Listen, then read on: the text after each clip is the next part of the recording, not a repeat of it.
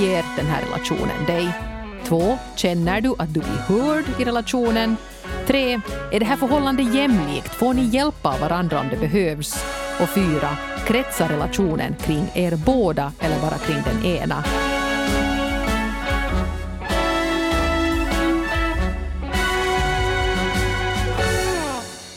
Vänner, det är ju någonting som kommer och går här i livet. Och en del har man ju med sig från, från sandlådan till serviceboendet. Och så kanske man har någon som man är grymt tajt med en period av sitt liv men så rinner det lite ut i sanden utan någon större dramatik.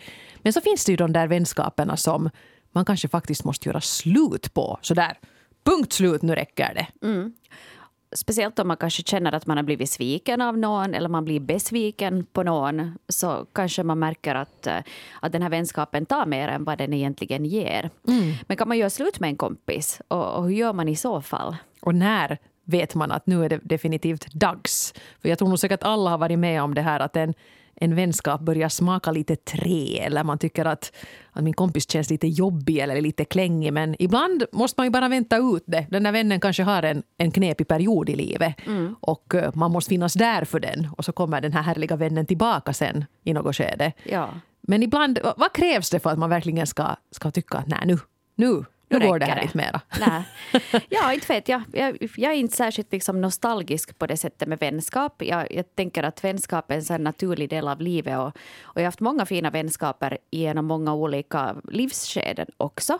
Och då kanske jag tänker att no, men det här var en vän som passade ihop just då. Att var det kanske någon som studerar samma sak som dig eller att ni fick barn samtidigt eller man skilde sig samtidigt och vet du var ute och dejta igen på nytt samtidigt. Mm. Att, det, att sådana här livsskeden så kan ju föra äh, människor som är i liknande livssituationer ihop för att sen äh, då kanske gå skilda vägar längre fram då man inte mera behöver varandra på det sättet. Man har sådana kompiscykler genom mm. livet och det kanske inte är helt rimligt att tro att den man träffar i, i dagis ska vara ens absoluta bästis hela vägen. Det finns ju exempel på, på sånt också. Ja. Men jag tror inte att det är någonting som alla ska försöka sträva efter för det är ganska orealistiskt.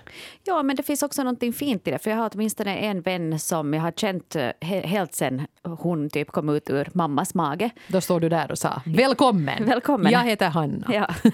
och, och vi, vi, är fortfarande vänner, inte så där supertajt att vi nu skulle höras hela tiden. Men att uh, jag tycker det finns också någonting fint i det där att man har kontakt med någon som minns vem man var då man var barn. Ja. Och som vet allting om ens familj och, och liksom, som vet allt om en. Det är nog jättefint. Ja. Ja, det, det, har inte riktigt jag. Jag blir nästan lite avundsjuk här nu när du beskriver det. Men, mm. ja. men väldigt, väldigt, väldigt ganska så här juiciga storyn till och med som vi fick in den här veckan. Och uh, vi skulle kunna börja i den här mest dramatiska ändan.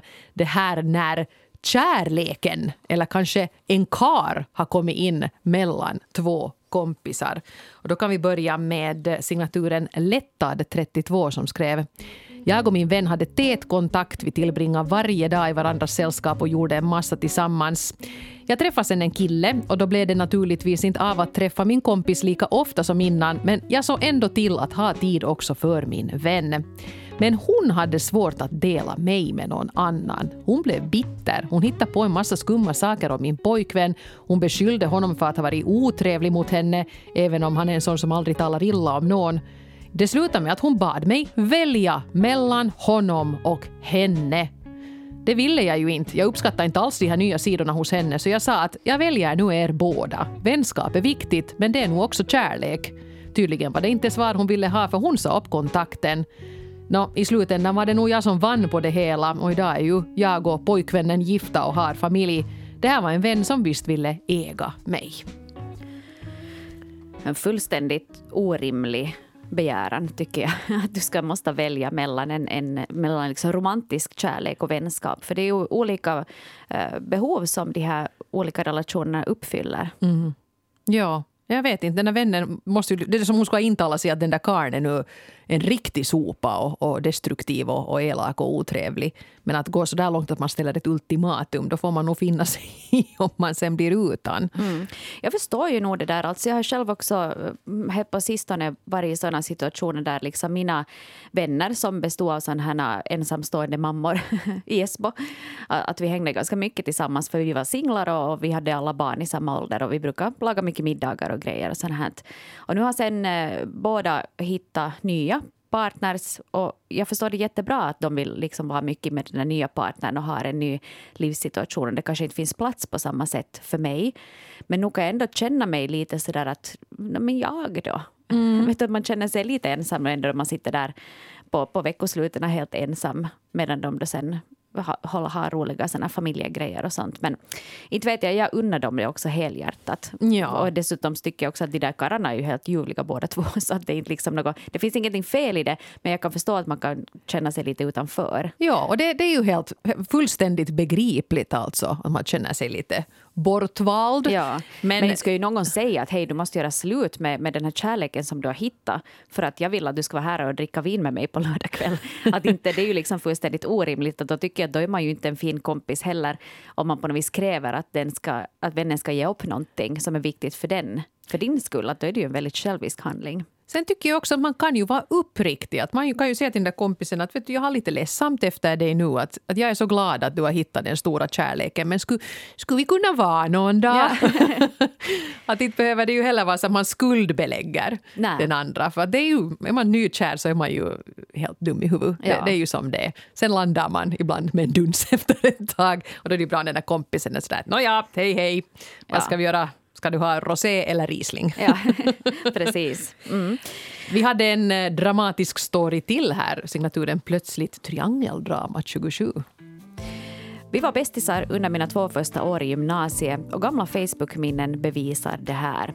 Men när jag blev ihop med min nuvarande man så började hon bete sig skumt. Jag börjar ana att hon i flera år har varit hemligt kär i honom för de har också länge varit goda vänner. Men en kväll när vi var flera som skulle ut och festa så gick hon för långt. Hon skulle byta om till festkläder och skämta om att min kille kanske vill komma med och se på. Det hade jag väl ingenting emot, va? Tidigare under kvällen så hade hon klängt på honom. Det var droppen efter att jag försökt strunta i hennes konstiga kommentarer i flera veckor. Efter det här så slutade vi helt att umgås med henne, både jag och min nuvarande man. Hon frågade aldrig varför, så kanske hon förstod. Mm. Uh, ja. Jobbigt. Mm. No, jag har lite upplevt samma sak. Jag var inte alls kär i den här killen men jag hade ett litet kompisgäng med en kille och en tjej under studietiden. Och det var jätteroligt att vi var liksom tre platoniska kompisar. Men plötsligt blev de kära i varandra. Idag är de gifta och har två barn. Ja. Men jag minns att den var ganska jobbig för mig den där perioden när den där dynamiken förändrades. För jag hade tyckt jättemycket om det där att vi hade vårt lilla gäng och jag hade faktiskt också pojkvän med och han, han var i militären då, det är alltså väldigt länge sedan. Jag hade liksom inte milfat någon ung rekryt här i, på, på äldre dagar utan vi var, vi var alla unga. Milfa en ung rekryt. Milfa en rekryt i vår. Ja.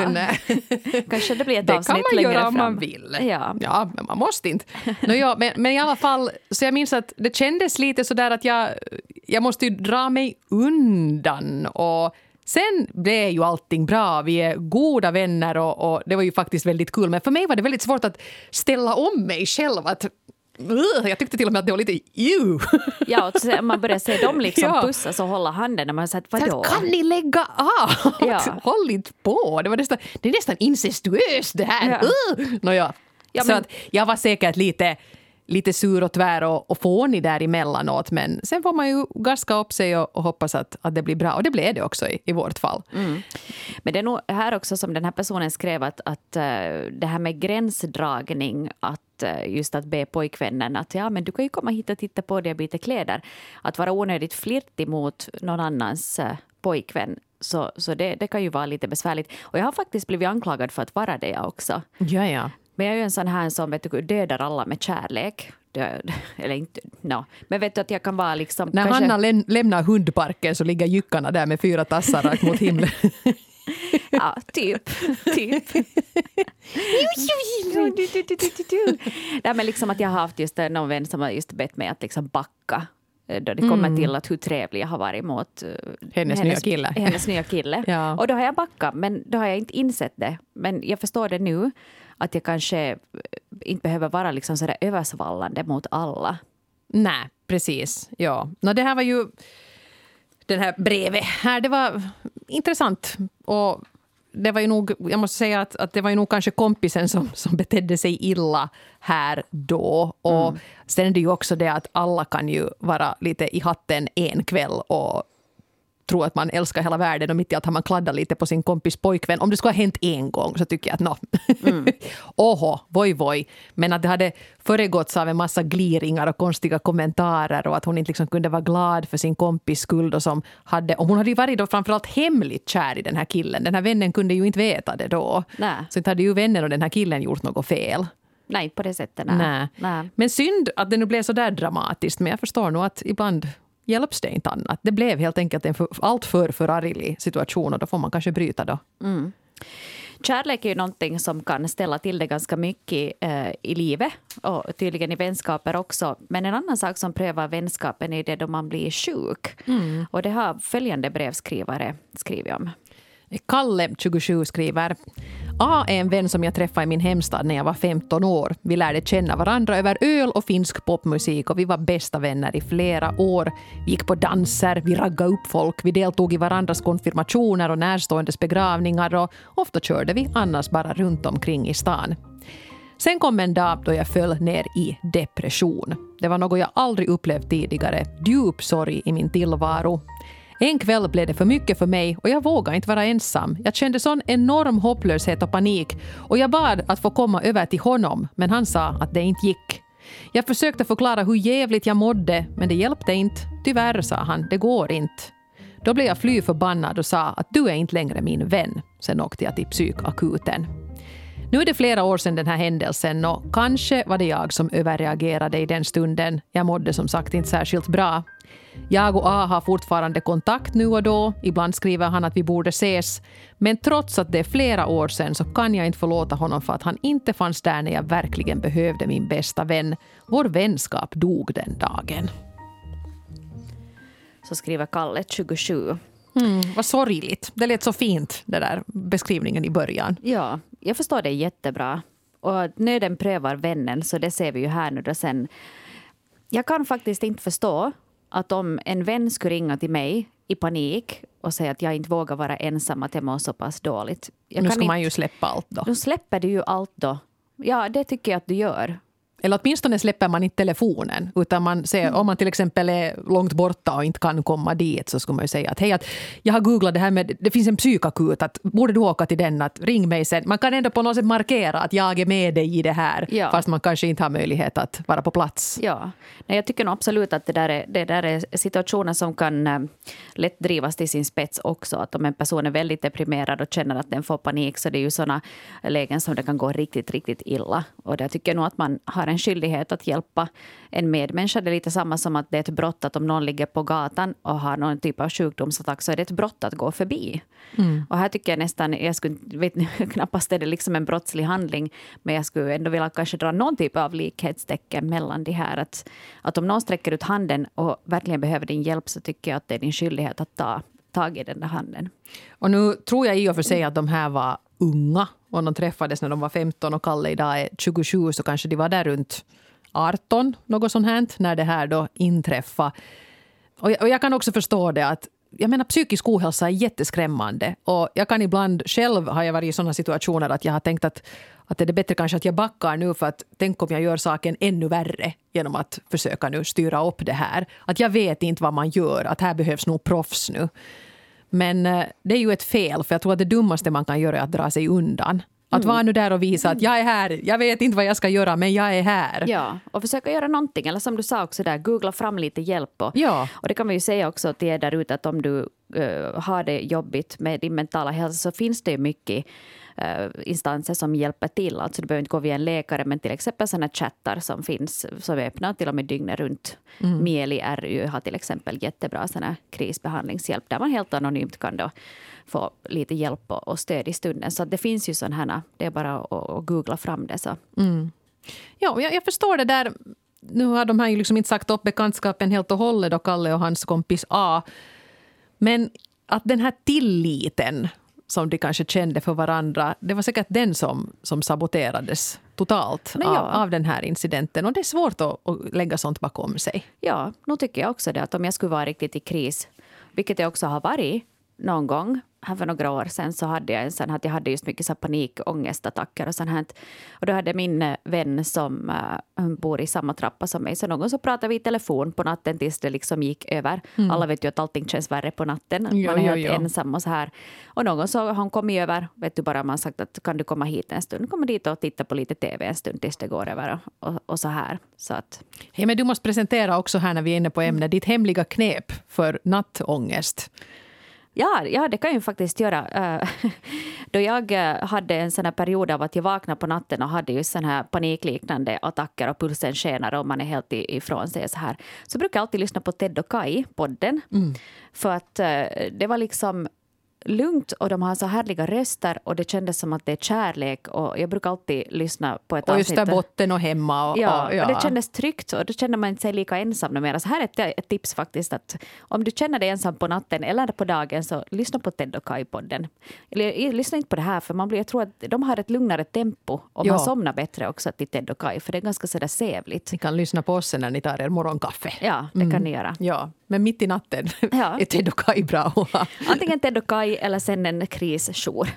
ja. ja någondera. Mm, frågan vi ställde den här veckan var ju då när är det dags att göra slut med en kompis? Och här tycker jag att en lärare skrev in till oss med en väldigt bra poäng. Eh, jag har ingen erfarenhet av detta utan jag vill lyfta fram problematiken med att avsluta vänskaper. Jag jobbar som lågstadielärare och reder dagligen upp vänskapstrassel. En del barn motiverar att de har blockerat kompisar på sociala medier, fryst ut en kompis ur gänget eller rent ut sagt mobbat med frasen “jag behöver inte dåliga typer i mitt liv”. Denna tanke kommer från någon slags empowering self-help-psykologi som många tar åt sig efter skilsmässor. Det är knappast ett sammanträffande att de svåraste fallen som jag har rätt upp har varit barn till föräldrar som har haft en bitter separation. Det verkar vara en rådande trend att få diktera vem som räknas som vän och i synnerhet i sammanhang där man ändå träffas varje dag och så klarar av att jobba tillsammans är det här att kategorisera vänskaper väldigt tärande. Varför ska vuxna definiera och kategorisera och bryta vänskaper och sen kräva av barnen att alla måste kunna vara med alla? Samma svartvita tanke som vi har av parrelationer kan inte överföras till vänskaper. Signaturen Trött på kategorier 40. Intressant. Ja, att skilsmässobarn börjar tycka att den här min jättetoxiska typen i 3B jag behöver inte henne. Nej. Och då får jag säga att du är inte med ännu mera. Ja. Ja, jag förstår det där. Det är ju precis samma som det som vi snackade om förra veckan. Att håller man på och kritiserar sin kropp inför sina barn så börjar de ju se på sina kroppar på ett kritiskt sätt. Och det här är lite säkert samma sak. Ja, och sen tror jag också att om, om man har hört att föräldrarna fast pratar skit om den andra föräldern väldigt mycket ja. så fastnar det på något sätt ändå. Och även om man inte pratar skit om den andra föräldern inför barnen så kanske de hör någon när man sitter och pratar med en kompis i telefon och baktalar den andra föräldern och säger att, att det är så bra att jag, han är ute ur mitt liv för att han gjorde mig bara olycklig. Och det ska man ju få prata om med sin kompis men nu är det ju klart att de där barnen hör, observerar och adapterar det här i sin, sin egen verklighet. Jag tycker det var intressant som den här läraren skrev om det här med att, att eh, det här är en slags empowering self-help psykologi. Och att uh, vi idag är så pass otroligt uh, liksom individcentrerade. Att jag är berättigad till att få det som jag vill ha. Mm. Om inte passar dig, så då får du fara. Ja. Att det här är kanske nog någonting som är mer utbrett bland oss vuxna men också att barnen tar efter det där. Och jag vet inte om det kanske... Det är ju bra förstås att man, att man står på sig själv, man har sina egna gränser och att man, liksom, att man inte tillåter att bli behandlad dåligt. Men samtidigt så är det kanske det kan gå till en överdrift också. Bara kompisen är lite störig så tycker man att jag behöver inte såna som dig i mitt liv. Att man liksom är för snabb att rensa bort såna. Ja, man kanske inte lär sig heller att kommunicera och reda upp det där. Nej. Utan man bara, säger, man bara sätter liksom lappen på luckan ja. och blockerar kompisen. Ja. Jag, menar, jag tycker de brev vi har läst hittills tycker jag har varit ganska klara fall. Det har varit fråga om stora svek och brustna hjärtan och sånt här. Och att det faktiskt har blivit en sån där vändpunkt i vänskapen. Och då kan jag förstå det. Men eh, här var ju en del också som kanske skrev om det här att min vän var så jobbig och pratade så mycket illa om folk och, och var väldigt störig. Och, och jag började må illa av att vara med henne för att hon var så negativ. Och det kan jag bra förstå men det kan ju också finnas en risk att den där kompisen inte mår speciellt bra och kanske skulle behöva vänskap och kärlek och med den, i den vevan också sluta prata illa om alla andra. Kanske mm. någon som försöker hävda sig själv genom att trycka ner andra. Det, ju, ja. det behöver ju inte betyda nödvändigtvis att man är en ondskefull person utan kanske man bara mår ganska dåligt. Ja, det är helt möjligt. Jag tyckte också att det var en, en trend som man, som man äh, märkte här också bland de här breven är, är liksom den här ensidiga vänskapen. Ja. Att om man känner att man, man är den som bara ger och ger och ger och den andra bara tar och tar och tar och att det liksom då inte riktigt finns liksom en balans i det. Att vi är vänner då, då jag har någonting att ge dig. Mm. Men om Precis. jag behöver någonting av dig så då är det inte lika viktigt. Ja, och sen kan det där ju liksom variera med tiden. Att om man är två kompisar som har hängt ihop länge och sen till exempel den ena skiljer sig och är på botten, då måste det vara ganska mycket fokus på den ja, förstås, ett tag. Ja. Mm. Men sen ska det i något skede tippa över och i det långa loppet kanske det jämnar ut sig. Ja.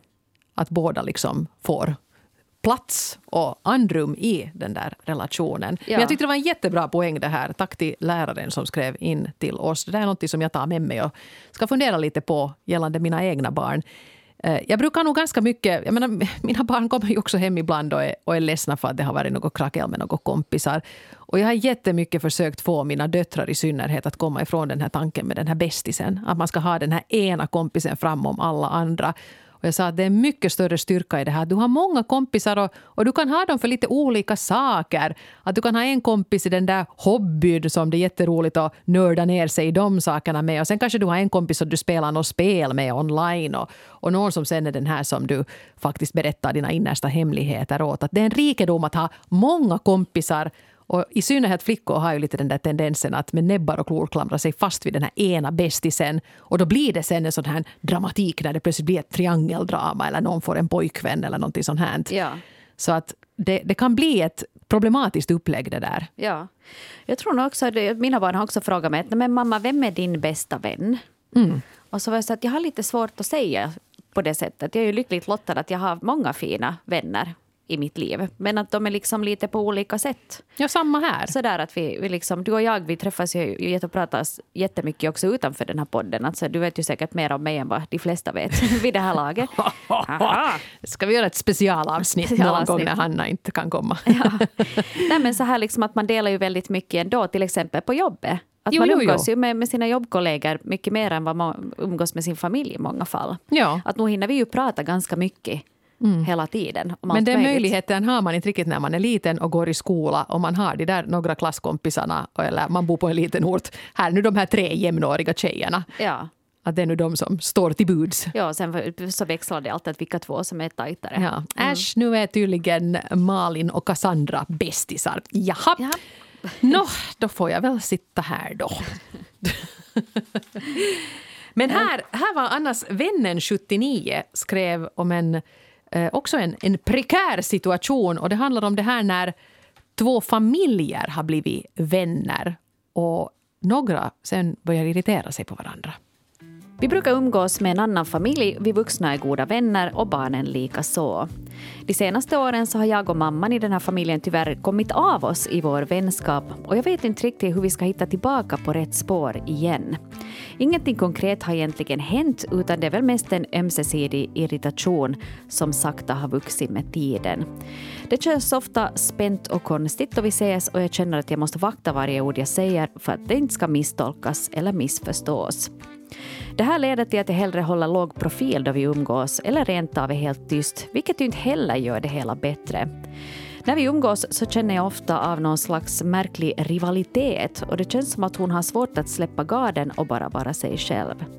Och det här har tärt på vår relation som en gång i tiden var riktigt nära och förtrolig och jag misstänker nog att vår vänskap hade runnit ut i sanden om det inte vore för familjens skull. Jag önskar att det finns någonting jag kunde göra, för jag önskar ju verkligen att vi alla kunde umgås som förr och ha det kul tillsammans. Jag tror ändå inte att det skulle hjälpa att konfrontera henne och fråga om saken, för hon skulle nog bara reagera med förnärmelse eller bli sårad. Samtidigt så är det ju ohållbart att ha det så här, alla lider av det. Säger vännen 79. Så barnen de tycker om varandra och papporna, jag utgår nu från att det var pappor det här, de tycker om varandra men mammorna har lite kommit ihop sig. Ja. Ja, vad, vad jobbigt. Ja, och de har säkert tyckt att det är ett jättefint upplägg. Jag ser framför mig gemensamma grillkvällar och, och sånt här. När alla liksom har en kompis och så borde alla vara glada. ja. Och så har det hänt någonting. Men hon skrev ju här att ingenting egentligen har hänt. Att det bara har blivit, blivit så där att, att det är lite rivalitet och lite gliringar och lite kanske så här passiv aggressivitet. Och, ah, du använder det receptet i din ostpaj. Och jag kan bra förstå det här för att jag har ju också bekanta och kollegor och sånt här som har en tendens att tolka. Jag menar, jag pratar mycket och jag pratar yvigt och, och eldfängt. Och jag har en del kollegor som brukar tolka det jag säger som att jag är dissig eller negativ eller väldigt kritisk. Och det har inte alls varit... De liksom förstår inte. Jag, jag lyckas inte förmedla det jag vill säga på rätt sätt. Och då är ju nog min tendens också det här. Min, min reaktion är att jag gärna drar mig tillbaka och kanske undviker så långt som möjligt att umgås med de här människorna. För att det blir jobbigt och det är hemskt tungt att hålla på och väga varenda ord på guldvåg och alltid komma med små brasklappar att ja, men, men alltså det inte på ett dissigt sätt att jag liksom sådär, jag har inte haft en tanke på att kritisera de här människorna men de tar det som kritik, de tar på näsan. Ja, så blir det ju kanske så där också att om, man, eh, om, om någon kanske upplever att den har blivit kritiserad så börjar den sen tolka allting genom det samma Ja. filter. Och, och där tror jag kanske nog att det är ett stort misstag att, att de här mammorna verkar ju nu då att det har blivit någonting sånt att någon kanske har just kommenterat ah, du, du gör pajen på det där sättet och sen tar man alltid på näsan vet du, oberoende vad det är. Att om någon säger att åh vad, vad fina nya tapeter ni har här i vardagsrummet. Ja, så, nu, nu är hon igång igen. Ja, eller, Hör ja. se, nu Hon är hon, säger sådär och så Ja. säger man på henne att hon är sådär att usch. Ja, Ja. Att, att där kanske också man... eh, Om, Övertolkar. Om, att man övertolkar. Att där kanske också att om man upplever att någon kompis är väldigt kritisk så kanske man också kan fundera att är den verkligen det eller har jag bara blivit van med att tolka det genom ett sånt filter? Det som inte framgår här är ju att hur mycket brukar de här två kvinnorna umgås så där på tu man hand. Att hur umgås här familjerna? Är det alltid så att alla är på plats? Och blir den här rivaliteten kanske värre då när alla är på plats? Att det är då man ska visa att Nå, vår mamma har bakat bullar men vår mamma hon bakar eclairs. Ja. Och så blir det liksom en sån här tävling. ja. Jätte, ja, det här, Ja. hej. Vem bakar eclairs? Hej Eva, 50-tal, ringde. Vill ha sin bild av den moderna mamman tillbaka. Men nåja, sådär om man hårdrar det. Ja. Men eh, skulle det vara skäl att till exempel ta initiativ och, och säga att ska, ska vi göra någonting? Ska vi gå ut och gå? Och så ser man att finns det då den här samma rivaliteten om man gör någonting ganska sådär ohögtidligt, går ut med en hund eller vet du, jag skulle måste ha en ny vårkappa. Kan du komma med som smakråd? Någonting sånt här som de skulle kunna hitta på tillsammans. Sen om du vännen 79 jag, jag skulle säga att jag ger det här rådet lite så här samtidigt till mig som till dig. Men att kanske nästa gång ni ses så då ska du inte hålla tillbaka utan då är du 100% dig själv. Och säger allt det som du skulle säga även om den här andra kvinnan inte skulle vara med i rummet. Och du kör bara ditt eget race och är den du är. Och då är det lite så här take it or leave it. Om hon inte tycker om dig som den du är då kanske det tyvärr är så att ni inte kan fortsätta vara vänner eller att ni måste vara så här lite avoga och de övriga familjemedlemmarna får fortsätta umgås. Men det här att du går omkring och aktar dig och hon går omkring och kyttar på dig, det kommer ju inte att leda någon vart. Nej, ni måste nog båda liksom lägga ner vapnen där Gå nu. gladeligen in nu och var dig själv och kan hon ta det så kanske det här blir hur bra som helst.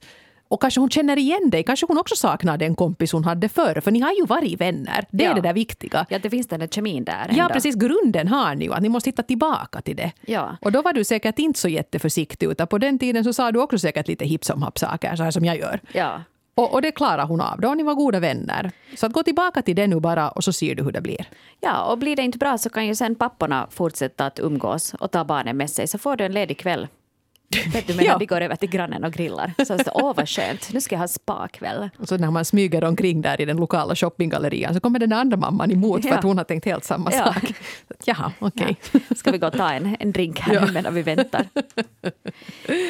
Hej, ska vi ta ett sista brev här med, med eh, lite konkreta tips från en brevskrivare som verkar vara kompisgängets psykolog. Jo, du måste finnas 20 skrev så här. Jag är ju den som ofta råder andra att avsluta sina vänskapsrelationer för vänner kommer till mig och ber om råd. Nå, nu vill jag ju inte vara orsaken till att kompisrelationer tar slut men om jag ser att mina kompisar far illa då brukar jag fråga 1.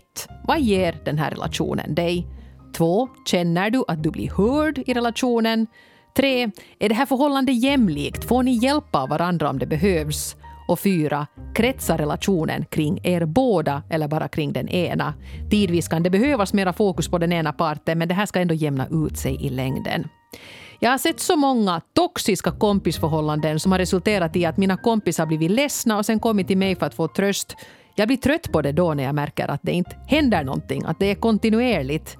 Jag har också flera bekanta och vänner som är rädda för att förlora sin sociala status ifall de slutar hänga med vissa personer.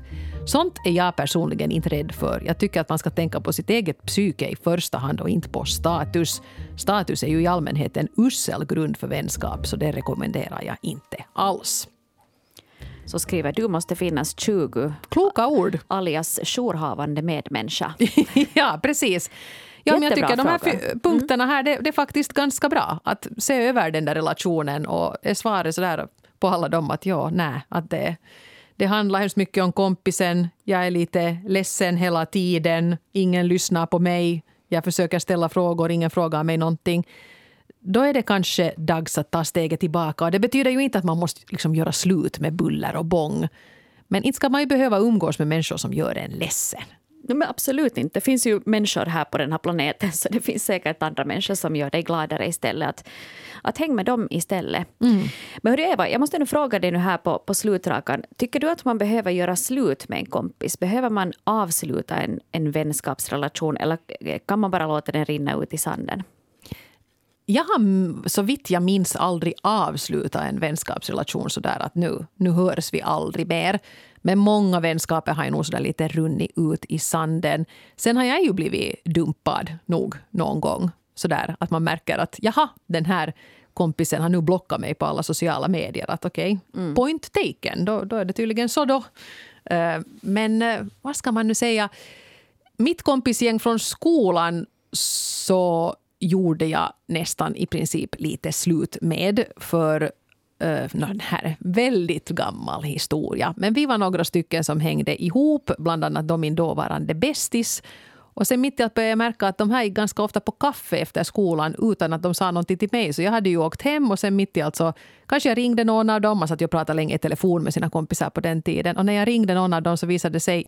Jag hörde ju att de satt på ett kafé och jag hörde de där andra att de var lite tysta där i bakgrunden. Och det där förstod jag inte. Att varför, varför, vad har jag nu gjort? Varför behandlar ni mig så här? Så då sa jag nog till dem allihopa att är det nu så att jag inte är önskvärd så kan jag nog liksom chappa. Och ingen sa någonting emot, så dit for de. Nej. Vad hemskt. No, det, var, det var ganska kämpigt, men det var nu just också i såna perioder sen när jag började studera och då hittade jag, hittade jag raka vägen det kompisgäng som jag har i, i denna dag. Och jag tänker ofta på, på mina kompisar då vi började studera samtidigt och nu har vi landat på lite olika platser i arbetslivet men det som är ganska härligt är när man har ett sånt här gäng där man, det är så roligt att se de andra glänsa. Det liksom stänker över lite strålglans på mig också när någon av mina kompisar mitt i att bli headhuntad till ett coolt jobb med hög lön. Då känner jag mig också liksom lite sådär by association, lite tuff. Och de är jätteglada för mig när det går bra för mina böcker och sånt här. Och det är alltid till dem jag meddelar först och de lägger in en massa sådana emojis med sådana partyhattar och, och, och tutor. Och det är jättefint. Att vi liksom gläds åt varandras framgångar och så brukar vi nog finnas där för att försöka hala upp varandra ur träsket mellan varven när det behövs. Och det tror jag är det som fungerar. Och därför har vi nog också hängt ihop i, hur ger mig, långt över 20 år. Mm. Tänk vad fint. Ja. Ja. Men det var ju exakt det jag inte fick med det där mitt förra kompisgäng. De ansåg väl kanske att jag hade blivit lite stroppig för att jag skulle börja studera på universitetet och sånt. Mm. Så att det blev som det blev och jag har inte haft någon kontakt med dem just alls sen Nej. dess. Sen är jag ju en långsint rackare, men det borde vi göra ett annat avsnitt om. Ja. Är du långsint? Aj, hade. Nej, nej, det har jag märkt. Ja. Hej, tack för alla era brev och eh, vi är tillbaka om en vecka igen.